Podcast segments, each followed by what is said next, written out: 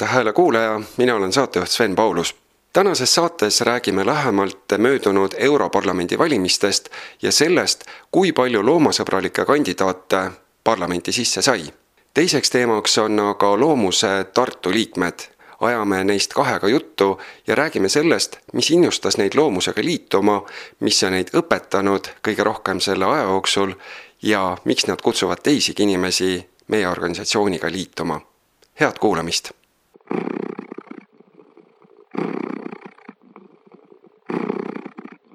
Hiljuti valiti Euroopa Parlamenti ja seal oli enne seda eelnevalt eh, terve rida lubadusi, mida loomasõbralikud kandidaadid andsid.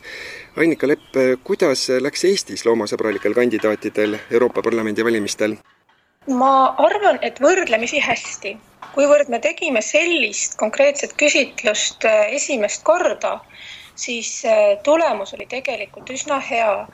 kuusteist kandidaati vastas meile ja neist kaks väga olulist pääsesid Euroopa Parlamenti. Need on siis Marina Kaljurand ja Urmas Paet, kes olid mõlemad väga heade tulemustega. Marina Kaljurand muidugi üllatas ja, ja rõõmustas meid äh, kõiki. ja mis on veel Marina Kaljuranna puhul ääretult positiivne, on tema valmisolek liituda Euroopa Parlamendis loomade heaolu komisjoniga. ma arvan küll, et peab rahul olema kui suure osa saavutasid uue parlamendi koosseisust loomasõbralikud esindajad ja parteid üldse? nii nagu ka Eestis oli tegelikult Äh, ka mujal riikides tulemus väga hea ja kui nüüd äh, vaadata mm, siis lõpptulemust, võib öelda, et see arv inimesi, kes nüüd pääses Euroopa Parlamenti, kes on loomade poolt ja kes äh, andsid erinevaid lubadusi loomadele, on ajalooliselt kõrge. võrreldes kahe tuhande neljateistkümnenda aasta valimistega on selliste saadikute arv viis korda tõusnud nii et äh, siin nüüd täpset arvu veel ei saa anda, sest mõned hääled on lugemata, aga sada viisteist või enam kandidaati allkirjastas lubadusi loomadele äh, tuhande neljasaja kandidaadi hulgast. ilmselgelt võib öelda, et, et loomade heaolu kui temaatika tähtsus on oluliselt kasvanud ja tegelikult seda näitab ka üks hiljutine uuring Euroopa inimeste hulgas, see on siis eesti keelde täpsemalt Euroopa tuleviku prioriteetide uuring, mis näitas seda, et, et loomade heaolu on Euroopa kodanike jaoks sama tähtis kui näiteks äh, väljendusvabadus ja isegi olulisem kui korruptsiooniga võitlemine. Hästi omapärane on see, et, et rohkem kui üks seitsmest kodanikust äh, vastas, et nad tunneksid lausa suuremat uhkust olla eurooplane, kui Euroopa Liit äh, tegeleks rohkem loomade heaoluga ja kui nad siis tagaksid ka erinevaid otsuseid, mis loomade heaolu parandavad. ma arvan, et, et see selline loomade temaatika jookseb paralleelselt ka siis nagu kliimaküsimustega. et need on teemad, millega tegelikult üha rohkem peab hakkama tegelema ja, ja, ja seda ootavad ka valijad kui nüüd mõelda selle peale, et tõepoolest parlamenti jõudis ajalooliselt kõige enam äh, loomadest hoolivaid äh, parlamendiliikmeid, kas on põhjust oodata, loota ka mingisuguseid suuremaid murranguid, muutusi Euroopa Parlamendi tasandil loomade osas? Äh, jah, kindlasti käima on ju lükatud üsna mitmeid protsesse, mis mõjutavad siis loomade heaolu ka liikmesriikides, näiteks nagu karusloomafarmide keelustamine Euroliidu tasandil. samamoodi ka loomatsirkuste keelustamine Euroliidu tasandil. et need on nagu sellised nagu võtmeteemad või võtmeküsimused, mis tulevad lauale. et, et me enam ei tegele nendega mitte riigipõhiselt, vaid me tegeleme nagu kogu Euroopa Liidu tasandil selliste küsimustega ja loomulikult need käivad käsikäes tegelikult ka keskkonnakaitse küsimustega et äh, bioloogiline mitmekesisus, selle säilitamine, samamoodi ka nagu põllumajandus, küsimused ja orgaaniline põllumajandus ja, ja, ja loomulikult ka taimetoitlus.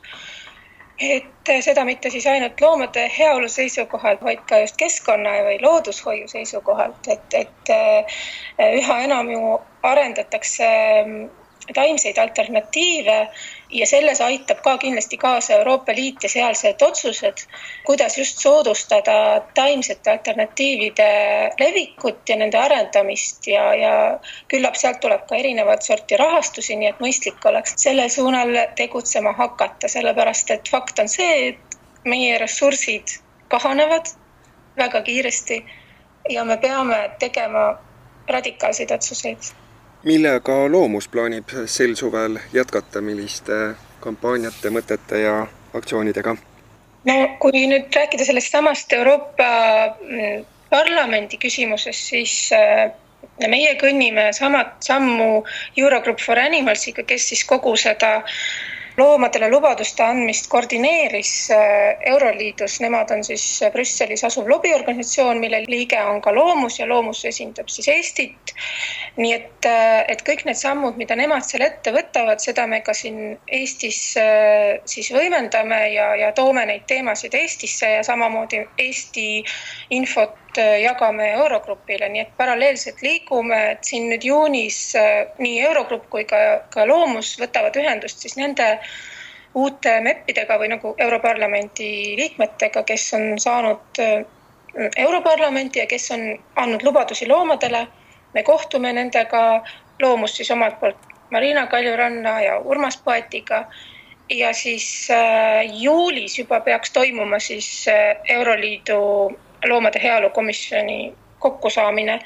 nii et sügisel hakkaks siis juba nagu sisuline töö ja samamoodi Eurogrupp teeb oktoobris ühe ägeda näituse kõikide nende küsimuste siis tutvustamiseks ja nendele probleemidele tähelepanu pööramiseks, mis siis nagu loomakaitse valdkonnas praegu kõige põletavamad on ja sellele näitusele järgneb seminar, nii et, et samamoodi Loomus äh, vastutab selle korraldamise eest siis üheskoos teiste Eurogrupi liikmetega ja kindlasti on karusloomafarmide temaatika, nii nagu loomuse algusaastatel kaks tuhat neliteist mai, kui me kokku tulime, me hakkasime seda intensiivselt ajama. Äh, seda me teeme iga päev tänaseni järjepidevalt ja sügisel kindlasti hoogustub ka see just seoses siis paralleelselt Europarlamendi erinevate küsimustega. üks meie suurteemasid on loomulikult äh, kalade heaolu kampaania Armas kala, ma kindlasti soovitan kõigil minna vaatama meie kodulehte, kus on Armas kala eraldi portaal. nii et me soovime kindlasti sellele temaatikale palju tähelepanu pöörata, seda pole nii põhjalikult varem loomakaitseorganisatsioonide poolt Eestis tehtud. et kalad oleme võtnud endale nagu südameasjaks. no üritused kindlasti, üritame loomusega minna erinevatele üritustele, jagada teavet ja infot loomuse ja loomakaitse kohta ja kindlasti kasutan siin võimalust, et teha reklaami ühele vahvale üritusele nagu Veekfest, Tallinn Veekfest, mis on kultuurikattes, mida siis korraldab sama punt, kes teeb taimetoidumessi. loomus aitab seal ka. ja see on siis selline suvine taimetoidumess, et rohkem nagu festival, kus siis äh, esinevad ägedad äh, bändid, ansamblid, näiteks nagu Mikk Pedaja, Elina Born, Ingel ja Frank nii et tasub kindlasti juulis sammud kultuurikatlasse seada. kena suur,, suur-suur aitäh selle intervjuu ja ülevaate eest, Annika Lepp ja soovin loomusele tegusat suve! aitüma!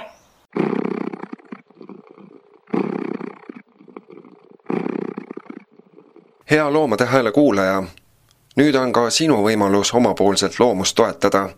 mine kodulehele loomus.ee toeta ja vaata lähemalt, kuidas saad meile toeks olla. aitäh sulle ette!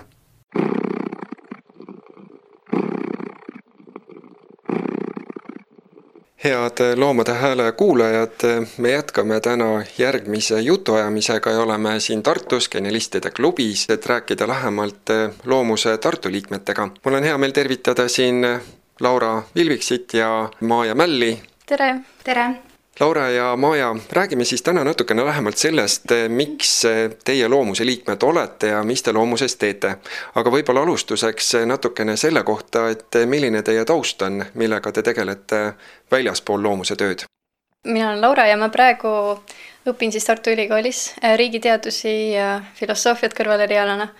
aga loomusega ma olen juba pikemat ajalt seotud, enne kui ma ülikooli tulin, ma alles see aasta alustasin äh, oma õpinguid ja ma siis astusin vist oli kuus aastat tagasi midagi sellist loomade nimelisse, mis hiljem siis liitus loomusega. hetkel olen keskendunud rohkem õppimisele, et loomus on rohkem jäänud, ma muidugi olen liiga edasi, aga ma ei ole viimasel ajal väga aktiivselt seotud olnud tegevustega. ja vabal ajal teed sa ka palju raadiot? ma teen väga palju erinevaid asju, jah. üks väike osa sellest on, et ma siinsamas Kene raadios vahel olen teinud saateid äh, ringjoonega, kuna ma olen rahvusvaheliste suhete ringis, sellega korraldan erinevaid üritusi ja teen äh, näiteks äh, Müürilehe veergu ja nii edasi. aga äh, lisaks äh, toimetan ka ühte tud väikest tudengiportaali nimega Poliitikalabor ja mõned väiksed asjad siia-sinna veel. et suhteliselt aktiivne on elu olnud siin Tartus seetõttu ka loomusega tegelemiseks on veidike vähem aega jäänud, aga ma si-, siiski loodan panustada näiteks suvel rohkem, jah ja kuna tegu on Loomade Hääle nimelise saatega, siis on tegelikult meil siin stuudios külas ka üks äh, väike neljajalgne Maja, tutvusta teda natuke lähemalt, kellega tegemist on? Mm, tema nimi on T-Bone ehk Tibu ja ta on äh, viieaastane, peatselt kuueaastaseks saav kääbuspuudel. väike poiss ja ta võib vahepeal ka häält teha milline on sinu taust? Ma olen hetkel loomuse töötaja, töötan loomuses infokoordinaatorina ja enne seda töötasin aastaid Eesti Loomakaitse Seltsis, mille liige ma siis olin aastast kaks tuhat kolm. ja peale selle töötan ka prantsuse keele õpetajana. kuidas sai alguse teie liitumine loomusega, mis veenis seda tegema? alguses oli Loomade nimel ja siis muutus see loomuseks, aga kuidas sa Loomade nimel seltskonda jõudsid, Laura? Kõigepealt ma hakkasin äh, veganiks mingi, kui ma olin vist äh, neliteist, ma arvan. Äh, ma olin juba enne olnud taimetoitlane pikalt, aga siis ma leidsin kuidagi ingliskeelse interneti avarustest leidsin selle veganluse enda jaoks ja siis ma ühel hetkel ma hakkasin mõtlema, et midagi peab ikka Eestis ka olema seoses sellega ja siis ma alles hiljem avastasin, et ka Eestis on selline organisatsioon, kuna ma olin tuttav ainult välismaiste organisatsioonidega. leidsin Loomade nimel ja siis nägin, et nad otsisid vabatahtlikke, nad olid ilmselt postitanud selle kohta.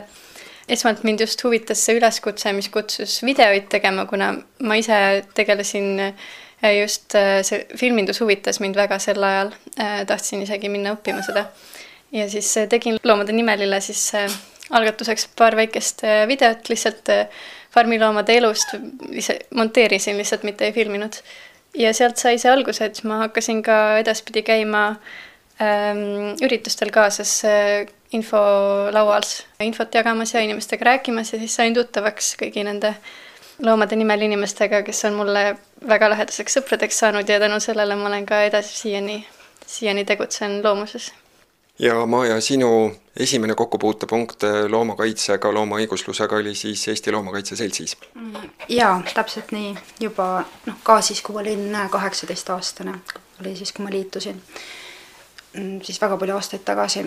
aga loomusega ma liitusin peale seda, kui ma äh, Loomakaitse Seltsist ära tulin, siis äh, aastal kaks tuhat seitseteist ja loomusesse tulingi sellel põhjusel, et ma tegelikult teadsin väga paljusid inimesi, väga paljud inimesed loomuses on ka endised Loomakaitse Seltsi liikmed. ja otsustasin, et võib-olla on aeg nagu edasi liikuda ühest organisatsioonist teise.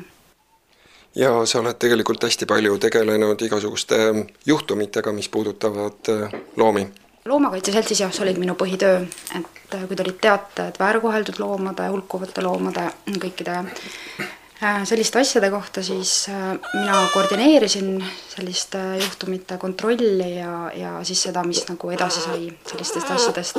ja ka loomuses väikesel määral, õnneks meile ei tule nagu nii palju selliseid teateid, aga ka tegelen sellega, kui mingi asi peaks tulema. kui te nüüd vaatate enda nii-öelda ajalugu loomuses, siis mida te olete selle liikmeks oleku ajal kõige enam õppinud? Õppinud olen ilmselt äh, kõige rohkem loomaõiguse kohta, sest kui ma liitusin, ma olin ikkagi väga noor, praegu ma olen kakskümmend, siis ma olin neliteist. ma teadsin toitumise äh, kohta, aga ma ei teadnud äh, loomaõigustuse selle kohta, kuidas loomi koheldakse erinevates alades, need spetsiifikad kõik, mida ma siis õppisin, eriti just loomusesse tulemisega ja kõige sellega, kust tuli ka see seadusandlik pool juurde, mind huvitas just see lobitöö pool milline tegelikult on seadusandlus seoses sellega Eestis, et ma varem ei teadnud midagi sellest ja kõik see on loomuses õpitud ja minu arust väga vajalik väga vajalikud teadmised ja üldiselt ka rahvusvahelise loomaõigusliku kogukonna kohta sain tuttavaks inimestega üle Euroopa, kes me Loomade Nimeliga käisime tihti rahvusvahelistel kogunemistel Poolas ja Leedus ja mujal ja ka Eestis on toimunud neid kogunemisi. Nende kaudu just tundsin sellist kuidagi ühtsustunnet kõigi nende teiste maadega ja, ja sellega, kuidas kõik igal pool võitlevad sama asja eest ja, ja just selline spetsiifiline teadmine selles liikumises olles on nagu, on endal suurem motivatsioon kogu aeg selle kohta juurde õppida ja lugeda ise rohkem, et muidu ma ilmselt ei hoiaks ennast kursis kõikide nende uute uudistega, mis tuleb, et keegi kuskil äh, keelustab jälle karusloomafarmid või ja nii edasi, et äh, kui ma ei oleks liige, siis ma ilmselt nii palju sellele tähelepanu ei pööraks.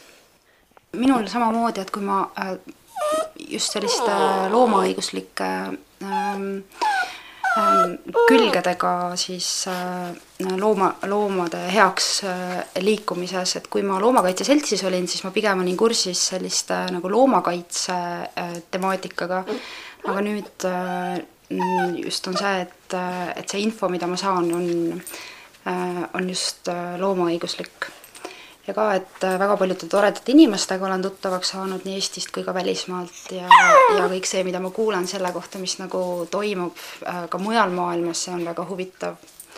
ja hea on ennast sellega kursis hoida. kui mõtlemegi selle peale, et loomuses olek on ilmsesti teie maailmapilti avardanud äh, nii loomakaitse seisukohast kui ka loomade õiguste poole pealt, siis kuidas te seda praegust olukorda maailmas näete?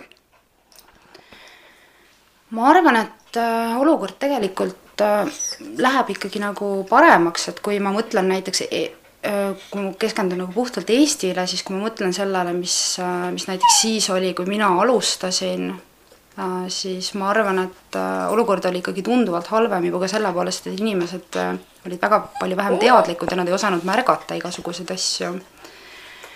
aga nii selles osas, mis puudutab kas või siis noh, loomakaitset, lemmikloomi, aga tegelikult ka kõik igasugused loomaõiguslikud asjad, näiteks äh, veganlus, äh, äh, mis tol ajal oli täiesti noh, põhimõtteliselt tundmatu mõiste, siis kahe tuhandete alguses, et ja ja noh, farmiloomade heaolule tähelepanu pööramine, et äh, keegi ei osanud nagu sellest rääkida ega ei märganud selliseid asju ja noh, lisaks, äh, lisaks see, kui palju praegust tuleb tegelikult teateid sellest, et üle maailma võetakse ikkagi vastu erinevates riikides seadusi, mis siis loomade olukorda parandavad.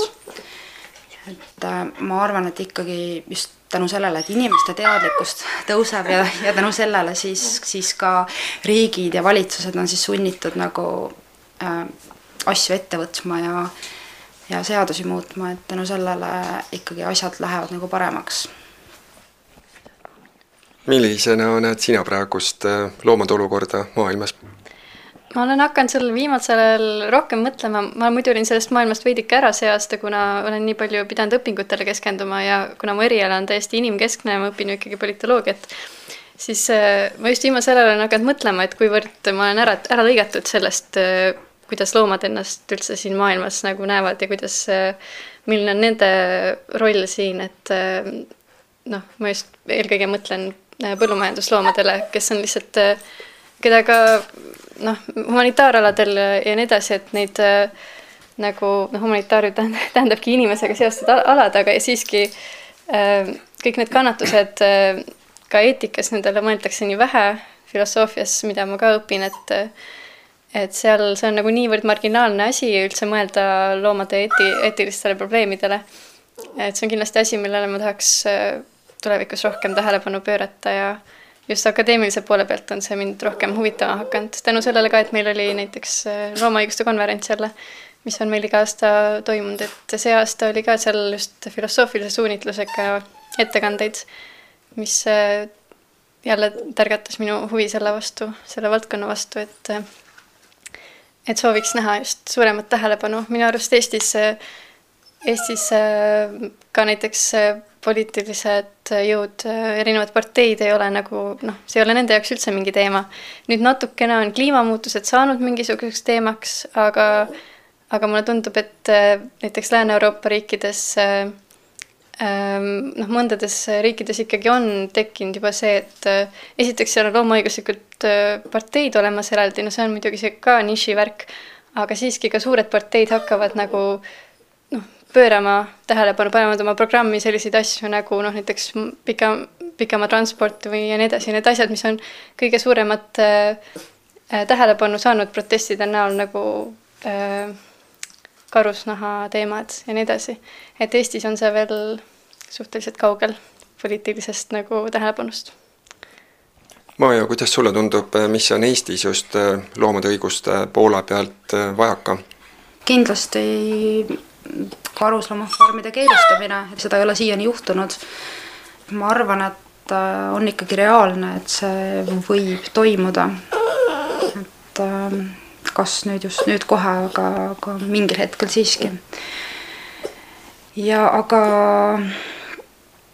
põllumajandusloomade olukord on muidugi see, mis vajaks kindlasti väga paljusid muudatusi iseasi jah, kas äh, Eesti poliitilised jõud nagu hetkel selles suunas vaatavad, et pigem mitte, ma arvan, et see vajaks nagu teistsugust äh, valitsust ja ja ilmselt ka võib-olla Riigikogu koosseisu, et selleks, et sellised asjad läbi läheksid ja võib-olla eelkõige ka sellist väga teadlikku valijaskonda, kes ja, äh, ja, oleks valmis. otse loomulikult, et, äh, et ka inimeste suuremat teadlikkust, aga ma arvan, et see on ikkagi nagu ka tõusmas, et aga noh, minu probleem on selles, et ma olen lihtsalt väga positiivne inimene. et ma alati usun seda, et lõpuks läheb kõik hästi. lihtsalt see võtab aega kui mõtleme korra tagasi samale loomaõiguste konverentsile, mis siin mais oli, siis üks loomuse liige Kadri Aavik esines seal ettekandega Mees veganitest ja selles uurimuses oli välja toodud selline fakt, et üle maailma tapetakse seitsekümmend miljardit looma aastas. mis tähendab seda, et kui me võtame inimkonna arvuks umbes seitse miljardit ja, ja veidi peale, siis inimese kohta tuleb äh, kümme tapetud looma aastas. see on täiesti ettekujutamatu hulk mingis mõttes. mis teid kogu selle tohutu masinavärgi juures, mis pöörab rattaid pigem sellise vägivalla ja, ja kõige muu poole, motiveerib jätkama ja hoopis teistsuguses suunas äh, vastu ujuma sellele voolule? minu jaoks isiklikult, ma arvan, on see just see kogukond, mis nagu hoiab äh, sellist positiivsust, no kuigi ta seda alati muidugi ei tee, et meil jagatakse päris palju selliseid koledaid videoid ja kõiksugu fakte tööstuse kohta, aga aga siiski see, et mul on nagu suurem osa sõpradest äh, või no vähemalt varasemast ajast äh, just äh, loomusest, need kõik inimesed on ka sama mõttelaadiga ja siis äh, see hoiab nagu kogu aeg tegutsema, siis hoiab sellist optimismi, et kui nii paljud inimesed selle nimel töötavad, siis midagi peab ju muutuma. ja, ja ma näen kogu aeg seda, kuidas näiteks just toitumise teemaga vegan kogukond pidev, pidevalt suureneb. see on see peamine positiivne motivaator hetkel, et kui palju on muutunud võrreldes selle ajaga, kui ma hakkasin äh, veganiks, siis äh, kui, kui suur on saadavus igal pool äh, poodides ja kui palju inimesed, isegi kui see on trendi nimel see muutus inimestel, siis siiski nad on hakanud nii palju rohkem oma harjumusi muutma ja ma arvan, et praegu on veel see hetk, kus paljudes riikides lihatarbimine suureneb veel ka lääneriikides, aga aga ta hakkab niimoodi vaikselt pidurduma ja ma arvan, et ühel hetkel see pöördub, see trend, et hakatakse alternatiive rohkem usaldama. ja see on väga positiivne minu arust mina arvan, et minul, miks nagu ma ei noh, suudan nagu tegutseda ja ei ei masendu nendest koledatest faktidest, on see, et esiteks ma ei mõtle nende peale kogu aeg. et kui ma vaataksin igapäevaselt koledaid videosid ja ja mõtleksin nende jubedate numbrite peale, siis, äh, siis lõppkokkuvõtteks see lõpp, noh, lõpeks ilmselt halvasti ja ma ei tahaks äh, enam üldse tegeleda, et ma olen ka näinud selliseid inimesi, kes on just sellistel põhjustel nagu lõpetanud äh, üldse kas siis loomakaitse või, või loomaõiguslusega tegelemise, sellepärast et nad keskenduvad liialt nendele negatiivs-, noh, negatiivsele selle asemel, et nagu ise anda endast võimalikult palju positiivset. ja et noh, ma arvangi, et nagu sellele kõigele koledale ei ole nii palju mõtet nagu keskenduda, et muidugi tuleb ennast kursis hoida, aga see ei ole nagu see kõige peamine praegusel hetkel, vähemalt mina ei näe, et nagu, et see konkreetselt minule nii palju annaks. aga äh, mul on ka äh, enamik äh, lähedasi sõpru ja tuttavaid, nad on samasuguste põhimõtetega nagu mina, samuti minu perekond. ja äh, nendega suhtlemine annabki mulle väga palju positiivset. Ja selle tõttu ma näen, et mul on energiat, et edasi tegutseda nii et kui on olemas selline positiivne tagasiside lähedastelt ja sõpradelt, siis see innustab ennast ka jätkama. kuidas sul, Laura, sellega on? jaa, just, et seetõttu ma arvan, ma soovitangi kõigile, kes tunnevad ennast kuidagi üksi, et just äh, näiteks kas otsida nendest gruppidest, mis Facebookis on, endale uusi tuttavaid või siis liituda mõne organisatsiooniga, mis tegutseb sarnaste mm, asjadega nagu loomus näiteks või noh, et kui on tõesti motivatsiooni rohkem aktiivselt tegutseda. et kõik see kogukond hoiab nagu sellist äh, motivatsiooni ja üleüldse nagu sellist usku mida on väga vaja, et sellise raske temaatikaga tegeleda. jah, mind on see ka väga palju aidanud. on teil ehk välja pakkuda paar-kolm põhjust, miks seda podcasti kuulav inimene võiks loomuse tegemiste vastu rohkem huvi tunda ja võib-olla isegi liituda loomusega? Ma arvan, et kui inimesel on näiteks aega üle ja ta tahab, tunneb, et tal on mingisugused oskused, mis näiteks võiksid kasulikud olla, ta soovib aidata loomi Äh, ja üldse selle läbi tegelikult ka näiteks Eesti ja maailma ühiskonda, siis, äh, siis kindlasti võiks liituda ja, ja anda enda panus siis kõigele sellele. Või samuti ka siis, kui tal on sarnased põhimõtted, aga tal on näiteks just nimelt igav või ta tunneb, et ta on üksi ja oma, oma ideede ja mõtetega tal ei ole kellegagi suhelda, ta tahab näiteks sõpru saada uusi, on ka väga hea põhjus liitumiseks ju tegelikult. ja ma arvan, et samad põhjused, et äh, mina just äh, liitumise ajal ähm, just otsisin ka sellist äh, tuttavaid endale, sõpru ja ma olen need sada protsenti saanud loomusest ja loomadel imelest, et ma olen väga tänulik kõikide nende inimeste üle ja ma arvan, et see on üks kohutavalt vajalik kogemus, mis nagu ise kannustab ka sind äh, rohkem uurima selle valdkonna kohta pidevalt ja ja siis sa ei lange nii lihtsalt tagasi sellesse äh, nagu mugavustsooni äh, ja võib-olla noh, ei, ei hakka uuesti tarbima selliseid ebaeetilisi tooteid ja nii edasi. nii et lõppude lõpuks saab maailma päästmine alguse igast inimesest endast? jah, seda ikka jah. kindlasti suur aitäh selle mõnusa jutuajamise eest, Maia Mäll ja Laura Vilbiks ning soovin teile edu, jõudu ja kaunist suve! aitäh kõigile, soovin ka! kõigile teile ka!